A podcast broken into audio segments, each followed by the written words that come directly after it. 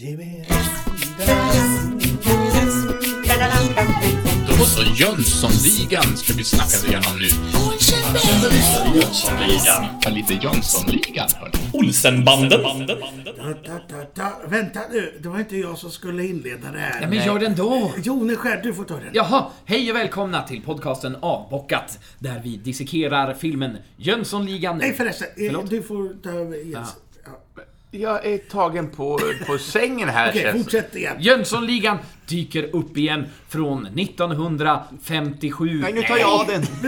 Fan, det var fel. 1986. Nu tar du över igen. Tack för det. Eh, bra. 1986. Idag är det kapitel, eller scen, eller avsnitt nummer 6. Och det är mellan minut 26 och 16 sekunder fram till minut 32 och 54 sekunder. Och det här avsnittet heter Får man bjuda på en drink? Ja tack, många. Sa du att podden hette Avbockat? Ja, fast det gick väldigt, väldigt fort. Det gjorde det? Ja, men den heter Avbockat. Men du, vad heter du? Jag heter Henrik Ja, Joneskär. det var därför jag sa det Tack. förut. Och du heter? Eh, Jens Söderell. Och du heter? Jag heter Linus. Strömberg. Jag äter choklad. det är gott. Lysande. Lysande. Jag heter Move. Mo, Moe. Och nu, Bara Moe, alltså. nu eh, vem, eh, vem är det som har handlingen idag? Det är jag faktiskt. Nej, men det är, vilken tur. Ja, jätteskönt. Och eh, i vanlig ordning, eh, vi, sk- vi ska ju kicka igång här, men i vanlig ordning så bryter ni ju in när helst ni vill. Gärna efter två meningar. Gärna, jag ser fram emot Ja. att få säga scenen öppnas och eh, ja, Ja. Jag kan avslöja att jag har alla mina tre grejer. kommer ganska fort. Eh, Det är ungefär samma minut. Ja, vad härligt. Då så, då fortsätter vi i den här nya traditionen vi har. Men, eh, vill, vill vi tillägga något innan vi kickar igång? Nej, kör bara innan folk hinner stänga av. Ja, just det. Hoppas ni hade en trevlig midsommar förra året. Eh, För det hade vi, tror vi. Tror jag. Ja, men hörni, ni minns väl förra veckan? Den avslutades ju med en liten cliffhanger. När de eh, frågade Sickan, vem är den här eh, svenska mellanhanden egentligen? Varpå Sickan svarade, vem, Vem tror, du? Precis, och i dagens scen eller kapitel får vi svaret. Scenen öppnas med en närbild på en stor tårta. Ja, och där bryter jag av. Moa har hörlurar på sig, så han hör allt. Förlåt alla ni som har det där hemma också. Hur klipper där? Nej, jag, jag har ko- lagt en kompressor där. Ja, det är bra. Jag ville vara säker på att jag fick den här Ja, efter en mening. kör. Tårtor, hörni. Mm. Gott, va? Ja, det är gott. Ja. Nej, du är tveksam. Var det bara det du ville fråga? Nej, jag har faktiskt... Jag har en liten textbit här som jag tänkte... Oh my god. Ja. Eh, Men jag tänker ta avstamp i den specifika tårtsorten prinsesstårta. En prinsesstårta är ju en tårta gjord av tårtbotten, hör och öppna, vispad grädde och vaniljkräm samt överdragen med marsipan. Det känner alla till konceptet, ni alla har ätit det någon vet, gång. att det inte, vet du att det inte är en operatårta då? Ja, men jag kommer lite grann Jaha, till det ja, här. ja. Ja. Så receptpodden är tillbaka alltså? Ja, ja nej, men det här är mest bara en innehållsdeklaration. eh, Det här. Eh, ofta förekommer också ett lager sylt, även om det saknas i originalreceptet till just prinsesstårtan. Så det har tillkommit på lite senare år. Marsipanöverdraget är vanligtvis grönt med ett tunt lager florsocker ovanpå och tårtan dekoreras ofta med en röd marsipanros eller något liknande. Medan originalöverdraget istället hade färgad mandelmassa. Alltså från tidernas begynnelse, när tårtan började ta sin form. Det har Tårtbegynnelsen. funnits så jäkla länge. Men tårtan har burit flera olika namn och förekommer också olika varianter som prinstårta med gult marsipanöverdrag. Och det är lite det vi ser här i scenen. Ja, visst. Gult och blått. Ja. Jag skulle nämna det när meningen fortsatte här. Ja, avbröt mig med. ja. Så då får du säga det efter jag är klar här då. Eh, Och den har också kallats för Carl Gustavs tårta. Eller så har vi operatårta. Men den är med rött eller rosa marsipanöverdrag har jag fått fram här. En bit prinsesstårta kallas också för prinsessbakelse om det är en lite mindre som man kan nästan mula i sig själv. Då kallas det för bakelse istället. Namnet prinsesstårta på olika sorters bakverk har förekommit sedan slutet av 1800-talet. Men avsåg andra recept också. Redan 1884 omskrevs en prinsessbakelse i Matilda Langelts bok Husmorden i staden och på landet. Det är skönt att husmödrar eh, involveras vart man än Ja, ja, ja. vilken typ av arrangemang, livsarrangemang man hade. Eller vilken typ av husmod. Ja, det också. Det vet man inte. Äldsta belägg för namnet prinsesstårta är en annons publicerad julen 1893 i Smålandsposten. Ah. Trevligt eftersom vi nu befinner oss i Småland alla här. Ja, exakt. Och i början av 1900-talet förekommer det även annonser i många svenska tidningar för jultårta, där bland annat prinsesstårtan nämns. Vi hoppar fram till 1901, för då publicerade tidningen Dagen ett recept på prinsessbakelse med smak av mandel och bittermandel. Sen går det några år, vi hamnar i 1924, där publicerade Svenska Dagbladet ett recept på prinsesstårta, vilket då var en gräddtårta med mandelkräm garnerad med ros- rostad sötmandel och pistagenötter. Så nu börjar man experimentera lite grann. Det här känner inte jag igen. Nej, ja, vi får se. Sen eh, mellan åren 34-35 eh, gjordes reklam i flera Stockholmstidningar för Norrmalms prinsesstårta och till Fars dag 1935 gjorde Konsum reklam för en prinsesstårta med sockerkaksbotten och gräddkräm överdragen Ja, det kommer jag ihåg. Ja, jag fick en sån. Ja, visst. Eh, och sen, ja, ja, jag hoppar lite grann för att jag insåg att det här var lite långt. Men jag vill nämna på slutet så här. En teori, en teori, varför heter det prinsesstårta? Kan man ju undra. Prinsessor tycker om det.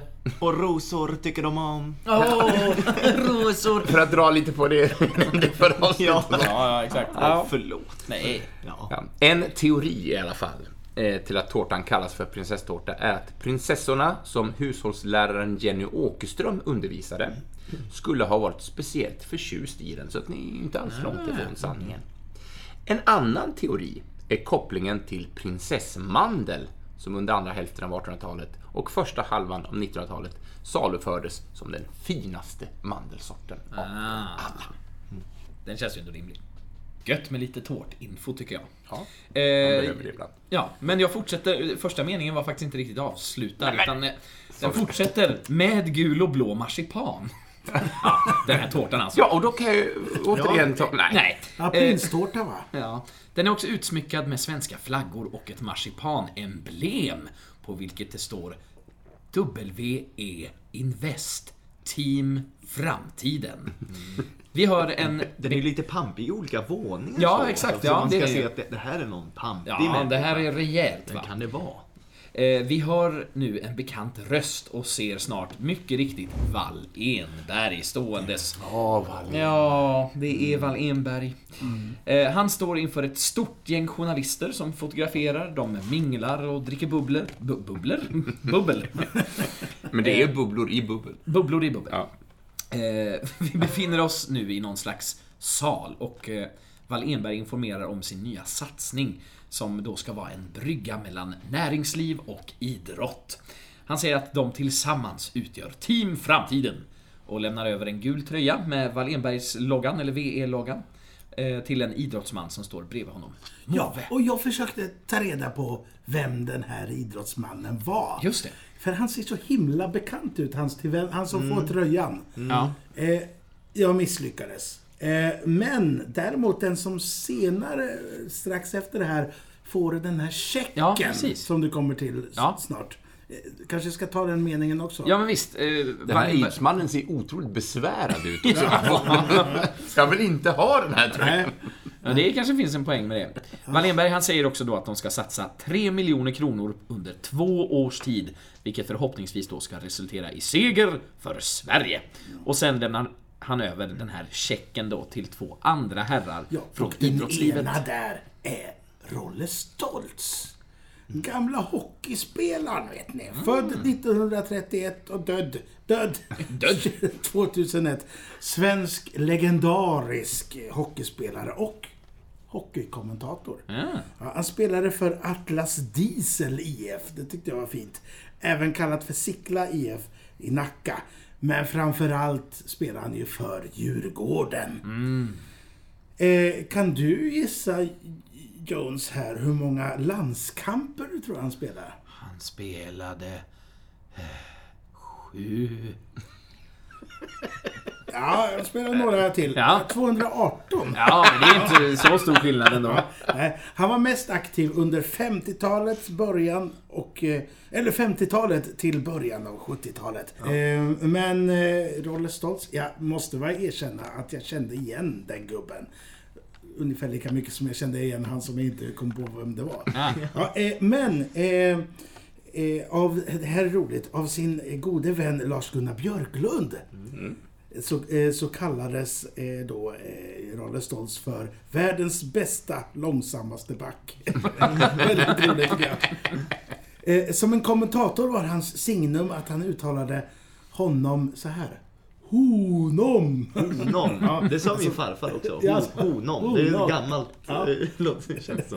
Uttryck. Eh, vidare kan jag säga att Thåström sjunger i, låten Kort biografi att han fick Stoltz autograf. Det tyckte jag var fint. Eh, som sagt, 218 landskamper. Världsmästare 1957 och 62.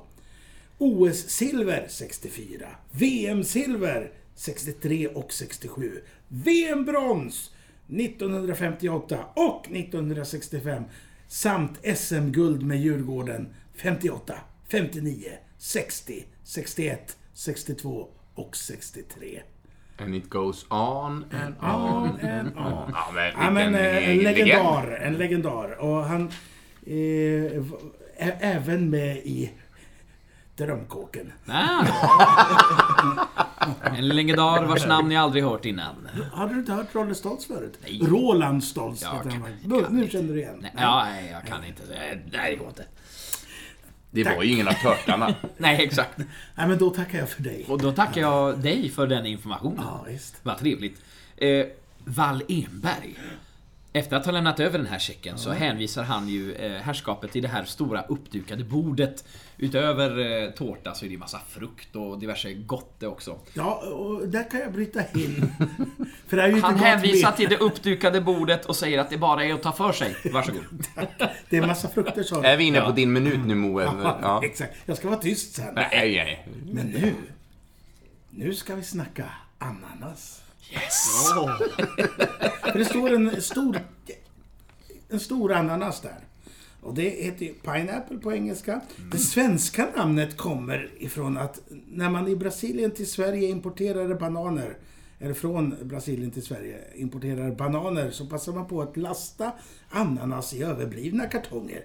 För att inte förvirra svenskarna som ju är ett dumt eh, folkslag. Ja, ja, ju det. Så strök man biet från bananas på kartongen.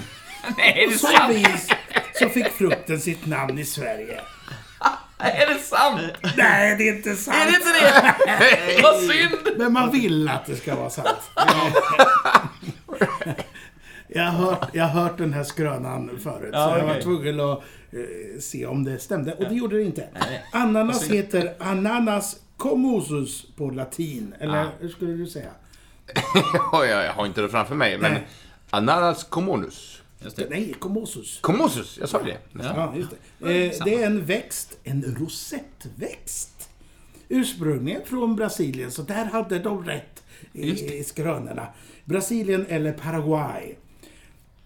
En odlad ananasplanta lever i cirka tre år. Då bär den frukt och sen vissnar den. Och den bär en citron här i filmen. Det står en citron uppe det är- på ananas. det är Det så barockt. Det ska vara så Ja. stort som möjligt. Ja, just det. Ja. Men, men du, när du har ätit limpan, strumpan, Ja. när du har ätit ananas, har du fått en stickande känsla i Ja. gommen Ja, Ja. Tungan. Ja. Tungan liksom sticker. Och lite på läpparna. Ja. Eh, Det beror på att... Att du är dödligt allergisk. Just det. Nej, men det beror på att det innehåller ett enzym som heter bromelin. Bromelin är ett protein för förtärande enzym och därför irriteras både hud och slemhinnor. Hallå! Det bryter ner kött. Exakt, det var det jag tänkte. Det kanske jag skulle Köttätande säga. växt. Nej men det är många som använder, eh, man mixar ner ananas för att eh, marinera eh, köttet. För att Ja. det bryter ner, det mörar köttet. Så att det ska stickas. man- Ja! Välkomna till Receptpodden. Tack. Tio sätt man kan använda en ananas. Ananas! Bryt ner mig, bryt ner mig. Bryt ner mitt kött. Bromelinet kan användas som ett antiinflammatoriskt medel också. Och forskning visar att det potentiellt kan användas vid tarmcancer. Och sen har jag skrivit insert opassande skämt här, för jag tänkte vart man stoppar upp den där jävla ananasen. Åh nej. Vi kan väl alla vara med om att det gör vi inte. nej. Nej. Inte än i alla fall. Ja, det var, det var väl kul med ananas. Ja. Ja, förutom det där med uppstoppningen. Det. Ja, just det. Men undrar varför man kallar det för pineapple. Det är kanske, ja. Undrar om det är för att det ser lite ut som en stor kotte. Ja. Alltså pine cone på engelska. Ja, det är, Kottäpple. Kottäpple. Ja, kanske. Men du, eh, vad var det vi sa eh, för några avsnitt sen? Att man får en eh, sån där läpp... folkläpp. Folk, Ja, men- Är det det när det blir när det domnar av? Ja, det är det. Ja. Jag tycker inte vi ska använda det ordet förrän jag har tagit patent på det. Nej, okej. Nej, men eh, i min värld så, så kommer ändå namnet ananas från banananas. Ja, verkligen. Min med. Underbart ju. Men eh, fråga då på ananas. Ananas på pizza. Är det ja eller nej? Ni som sitter här. Ja, ja absolut. Ja, Säg ja. Eh, Ja, på hans pizza. Ja. Ja, men inte på din egen. Nej, Nej. Jag håller med Moe. Det, Den ska inte vara ananas på pizzor. Jag säger ja. Jag säger också ja till ananas i tacos. Ja, Helskotta. det kan jag Ja, tänka mig. Det är gott. Det är gott. Eh, Men, men banan på pizza då? Nej, det är inte Bananas. Nej, det... Nej. Alltså varm frukt överhuvudtaget är en tveksamhet i mitt liv. Ja, du är sån ja. Men på tacosen blir det ju inte en varm eh, ananas. Eh, Nej, om man tar en konserverad... Nej, det Inte om man har banan i alla fall. Nej, just det. Då blir det... Jag vet folk som äter banan till tacos. Vi går vidare! Ja, det gör vi. Eh, ni lyssnare får ju såklart jättegärna skriva in med både hat och hot eh, här efter Ja. min och Linus kommentar om ananas på pizza. Men eh, skicka gärna in er favorit tacosingrediens. Ja, och pizza. Ja. Ja, eh, hörni, det som händer i filmen. Pratar vi Jönssonligan va? Ja, ja vi klipper nu till utomhusmiljö. Och vi ser en pampig byggnad på Strandvägen Ja! i Stockholm. Ja! Ja, vet ni var den här byggnaden ligger? Ja. Strandvägen. På Strandvägen. Ja, det stämmer bra. Jag har kollat upp den exakta adress, denna inspelningsplats, och den ska jag berätta om nu. För det finns ju så mycket information när det gäller sådana här märkvärdiga adresser. Ja. Ja men det, det, det här är Strandvägen 9 Ja. alltså. Och det ligger precis eh, granne med Hotell Diplomat.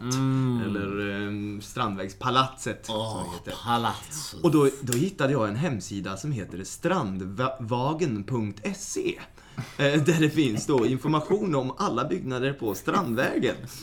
Och nu ska jag berätta för er om Strandvägen 9. Nu. Eller Klippan 9, som det också kallas tydligen. Klippan. Ja, och den beställdes av en byggherre. Och byggmästare. N.J. Bengtsson. Ja, och den som ritade huset var arkitekten J. Laurents.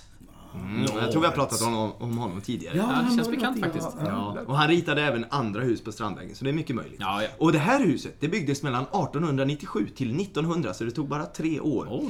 Och det fick en fasad, som vi kan se i filmen, i rött tegel med burspråk i ljusgrå kalksten. Och kalkstenen, den utgjordes även Utgjorde även lister och dekor. Spännande va? Du skakar på huvudet. Nej, nej, jag fick en rysning. Det, var, det kittlade till i örat av en anledning och så fick jag en rysning Ja. i kroppen. Men Så- runt lister och fönster då alltså. Jag fortsätter här. Usch, jag det här- hatar vi kommer Jag, jag är fascinerad. Och för att skapa en fin men ändå en platt fasad. Det här är den enda info jag har i det här avsnittet som nu kör. Burspråken! Vänta, vänta nu. Dra ut på det länge Ja, ja. då. Burspråken sitter på varsin sida om entrén och avslutas i en spetsig kupol. Mellan burspråken, över entrén breder stora balkonger ut sig som ger en utsökt vy över Ny- Nybroviken. Jag har en ståplats i Nybroviken. Bland de andra svallande liken. Ja. Ja, denna eh, hörnbyggnad har även ett hörntorn som också har, eh, är försedd med balkonger på varje våning. Entrén är gjord av fin kalksten. Ta det lugnt, ta det lugnt. Nej, nu snabbar vi på. Jag är exalterad. smaka på den. Dörren är en tvådelad trädörr med rekta- rektangulärt fönster över sig. Och dörrarna... Vad Fan, jag har inte läst där innan. Vad tråkigt. Jag kan hoppa lite här. Ja, det är jätte... det? Gör inte det. Jo, Du höll ju det- på att fånga mig. det är väldigt mycket platta, plattor här och grejer. Dekor i form av mönsterutsnidningar. Ja, nu kommer ett namn här. Ernest Thiel, eller vad det nu uttalas. Thiel. Ja, Thiel kanske. Ty. Thiel. Jaha, som i Han är trä- känd, ja, jag vet inte. Trä, ja. T-H-I-E-L. Ja, han är känd för sitt eh, galleri med skandinavisk konst. Bodde på Strandvägen 9. Han var även en stor bankman som avancerade snabbt i sin karriär. Och 1891 så bildade han Kredit och Diskontoföreningen. diskoföreningen. Och han blev genom den insatt i flera indus- industriella upptäckter. Han var en av de rikaste i Sverige under en tid och donerade stora summor pengar till olika verksamheter. Och i detta hus bodde även Josef Sachs, som var varuhusdirektör för Josef Lejas varuhus. År 1900 tjänade Josef Sachs 71 000 kronor och blev därmed åttonde rikaste på Strandvägen. Och 71 000 kronor har jag kollat upp hur mycket det var värt år 1900. Ja.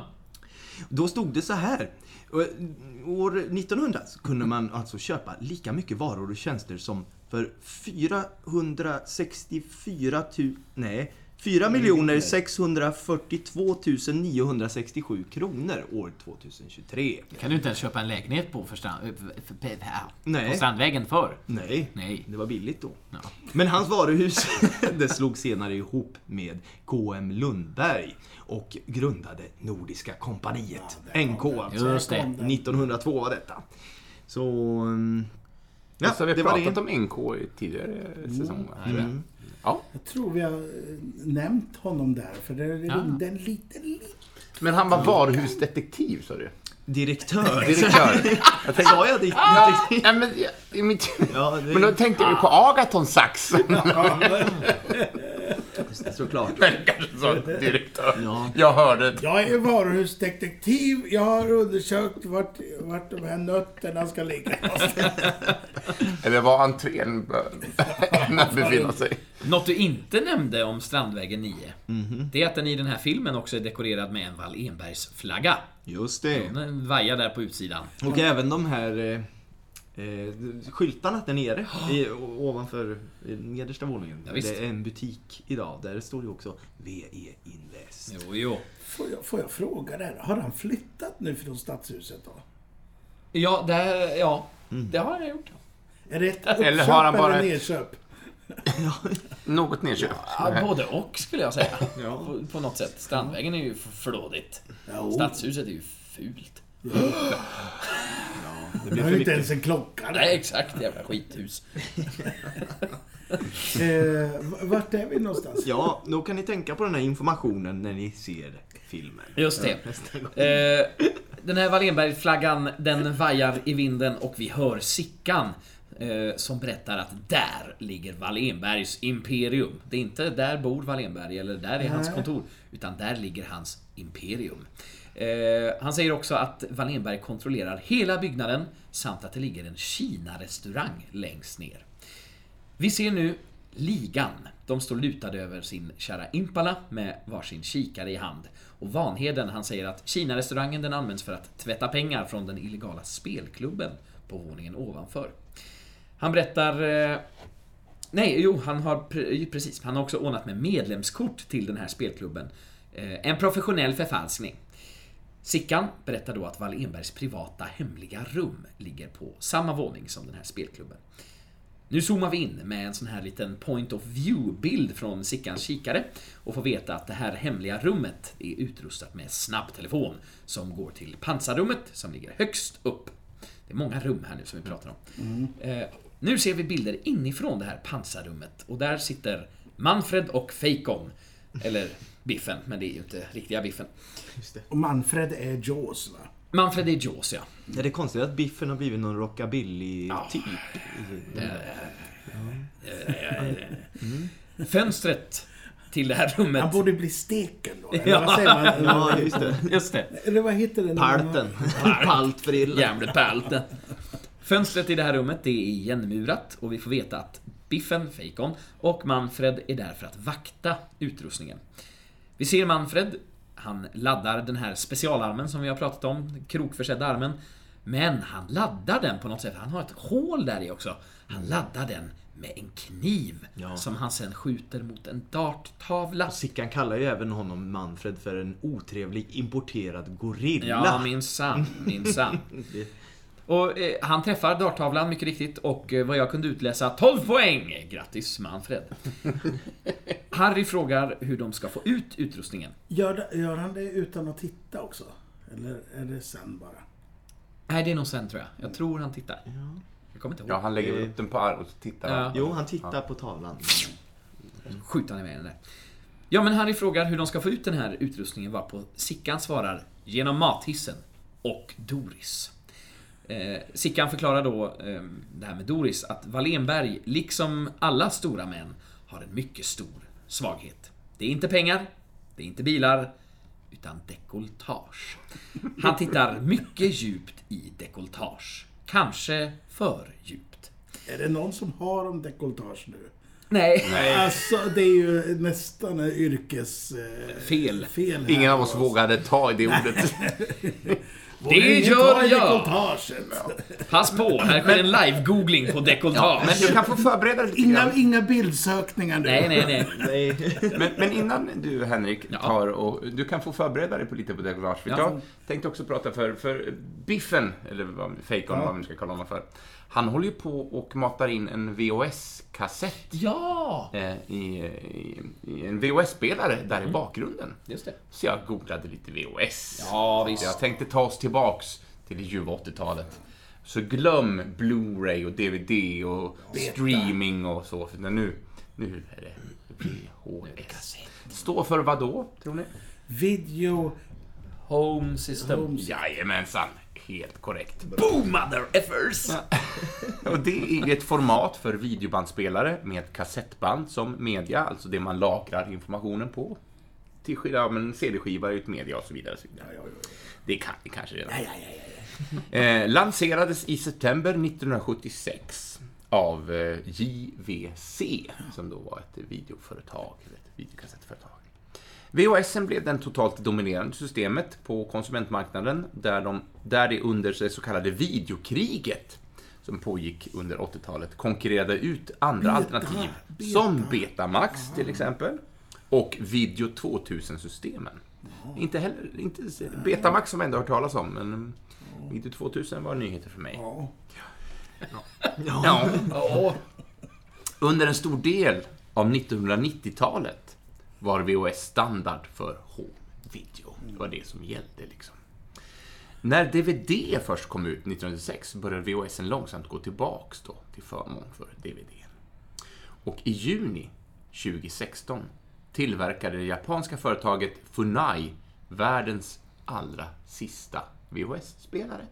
Så de tillverkades ända fram till 2016. Men det är så Just det, det är en sån de har i Morran och Tobias ja. Det är en för nej. Berätta om sin VHS. Ja. Ja. Ja, jag jag blev, blev ju så glad när de gjorde inbrott. Det är helt fel. När de gjorde inbrott så, så stal de mitt Nintendo. Det, det är ju tråkigt. Ja. Men det kan man ju köpa ett nytt rätt så dyrt sen. Men de stal inte min urbra VHS-spelare och det är jag ändå glad för. Ja, gött. För att det är nästan svårare att få tag i en bra. Mm. Jag har också en jättebra. Den har hållit länge. Peppar peppar, ta i trä. Och Det är jag bra. har inte ägt en på flera, flera, flera år. Jag får köpa min, den har stått på vin.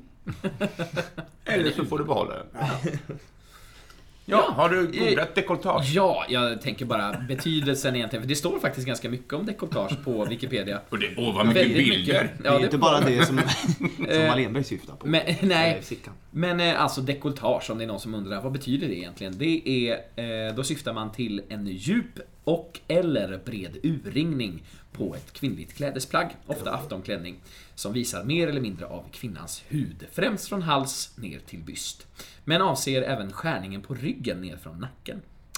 Det är dekolletage. Jaha, är det Sen det? Jag behöver vi inte det var- prata så mycket om... Nej, jag Något tyckte annat. vi kom undan med heden igång, tänkte jag säga. Ja. Förutom att jag sa gött. Ja, just det.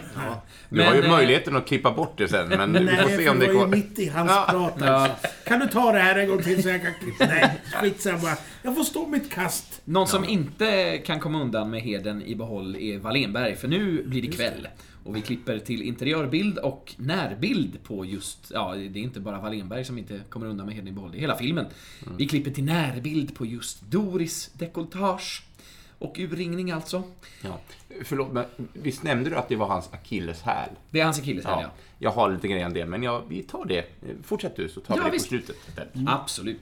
Ehm, vi är nu alltså inne i den här spelklubben och det är mängder av personer där inne som spelar diverse såna här hasardspel, eller vad man ska kalla det. Dobbel, Henrik. Spel och dobbel. Doris hon är ju väldigt fascinerad av den här miljön och eh, drar till sig lite uppmärksamhet. På grund av sitt dekolletage. Nej, mer av hennes kommentarer verkar det som faktiskt. Bra. Att hon är lite högljudd. Bra där. Wallenberg, han får också syn på henne. Eh, han däremot blir ju ganska snabbt intresserad av just hennes urringning och går fram och presenterar sig. Han frågar om han kan få bjuda på en drink och får Ja tack, många till svar. Därav dagens titel. Med blicken djupt ner i Doris urringning så skålar Wallenberg då med Doris eh, med eh, de här drinkarna som kommer fram väldigt, väldigt fort.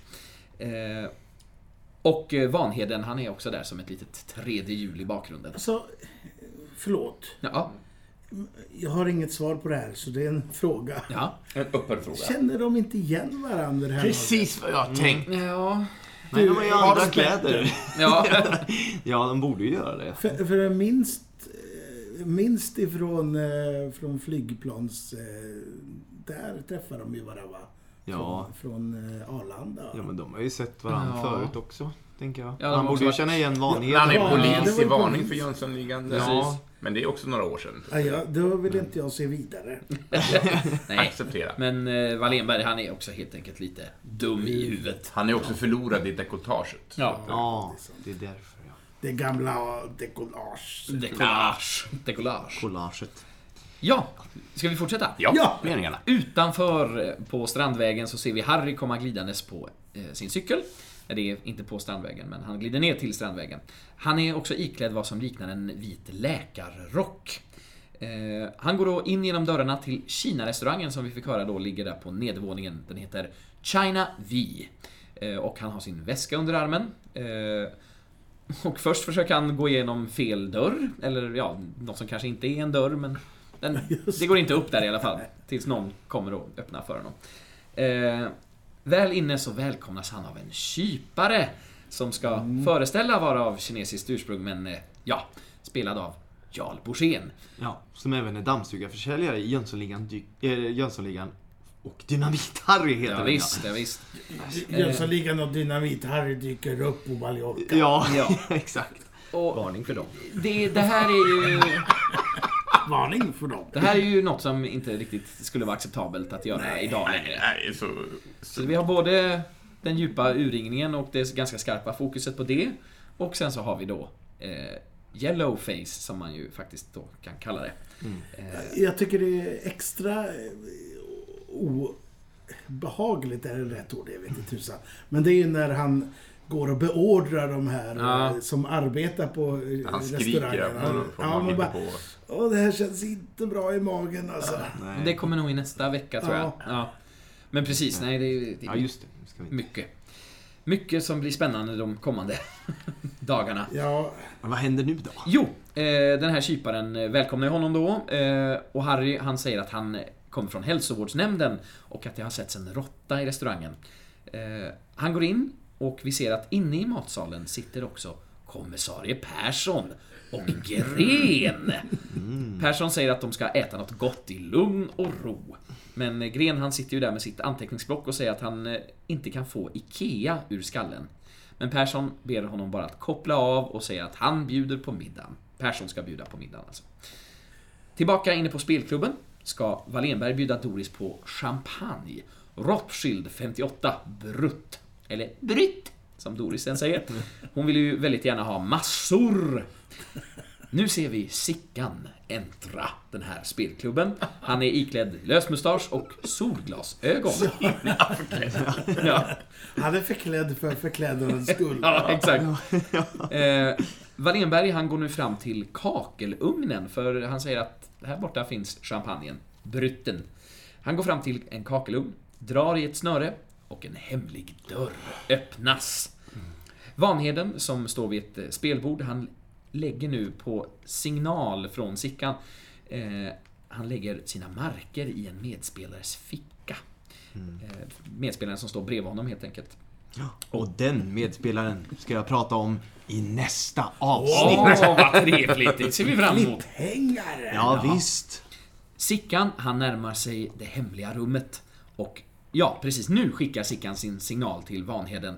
Och Vanheden ställer nu till med en scen och anklagar den här medspelaren för att ha stulit hans marker. Och frågar Vad är min herre för en människa? Och sen kommer också Vad är min människa för en människa? Ja. Ja, en tjuv! En tjuv! En tjuv! Wallenberg...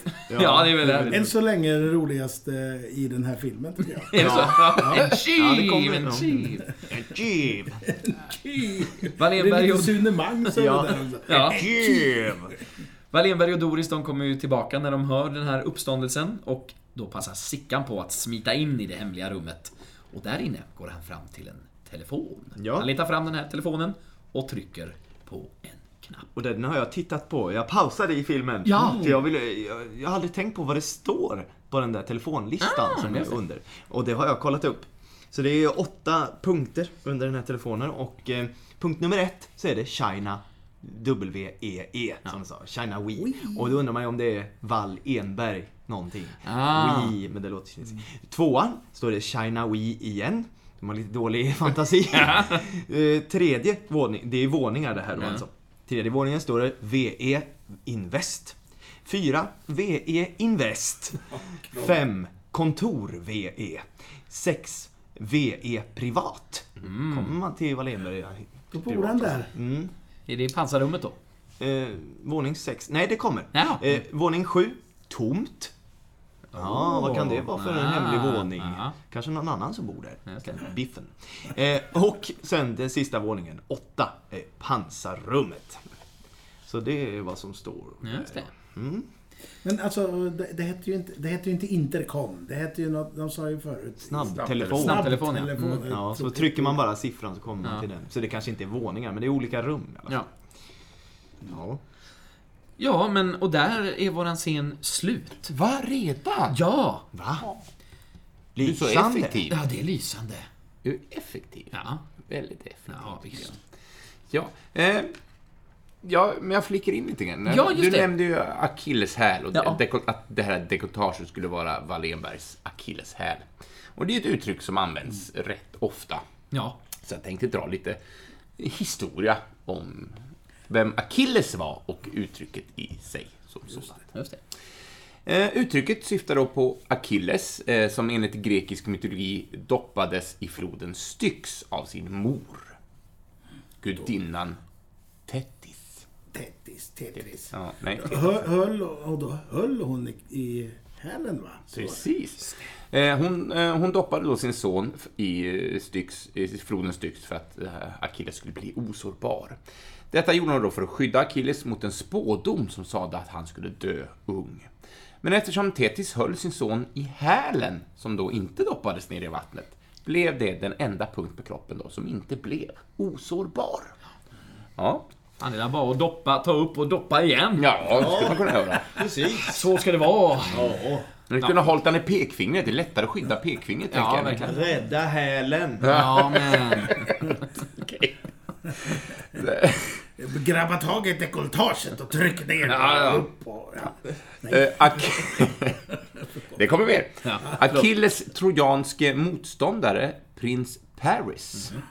Eller Paris. Eller Paris kanske är ett mer korrekt uttal. Det är Paris. Ja. Eh, sköt under det trojanska kriget en förmodligen förgiftad pil som satte sig i Achilles häl, så att Achilles dog. Det var tråkigt. I Homeros Iliaden, ni känner till det verket, Jajamän. eh, så omnämns inte detta och Achilles lever fortfarande när då den här Iliaden-historien slutar. Men i Vergilius epos, Ae, och så konstiga, mycket vokaler i följd liksom, Aeneiden sköt Paris den dödande pilen mot hälen, så det skiljer sig de dessa två gigantiska volymer av historia. Men det framgår inte att Achilles skulle vara osårbar i övrigt, utan bara att han dog av ett av Just en det. träff i hälen. Eh, ska vi se om jag säger det. Eh, Publius Papinius. Ja, det står så. Ja. Ja, det här var för Publi, Publius Papinius Statius ofullbordade epos Achilledien. Konstiga... Ja, Kan det inte bara ja, heta jag vill volym skriva ett? en sån. Ja. Eh, Som skrevs från första århundradet efter Kristus så finns historien beskriven. Men inte förrän på 1800-talet fanns belägget för ett uttryck som då Achilles häl, vilket då är en metafor för svag punkt. Just det. Och I detta fallet dekolletage. Dekolletage för Wallenberg. Och för alla stora män. Inte bara för mig. Utan Också, för mig. Jaha. Nej men härligt. Ja, nej men... Eh, är det med de orden som vi tackar för idag helt enkelt? Eh, ja, nästa vecka så är det dags för scen Ja. 7. Och Ja, eh, då är det... Ja, men då händer det grejer ser du. Då är det minut 32 och 54 sekunder till minut 39 och 25 sekunder. Och det avsnittet har vi valt att kalla för Fin Amelin. Och det blir grejer det. Det blir det. Nog Och sagt. det blir ett hoppigt, för det händer så himla mycket. Det klipper fram och tillbaka. Ja, herregud. Ja. Ja. Men det blir trevligt. Så med de orden säger vi tack för att ni har lyssnat och hej då! Hej då!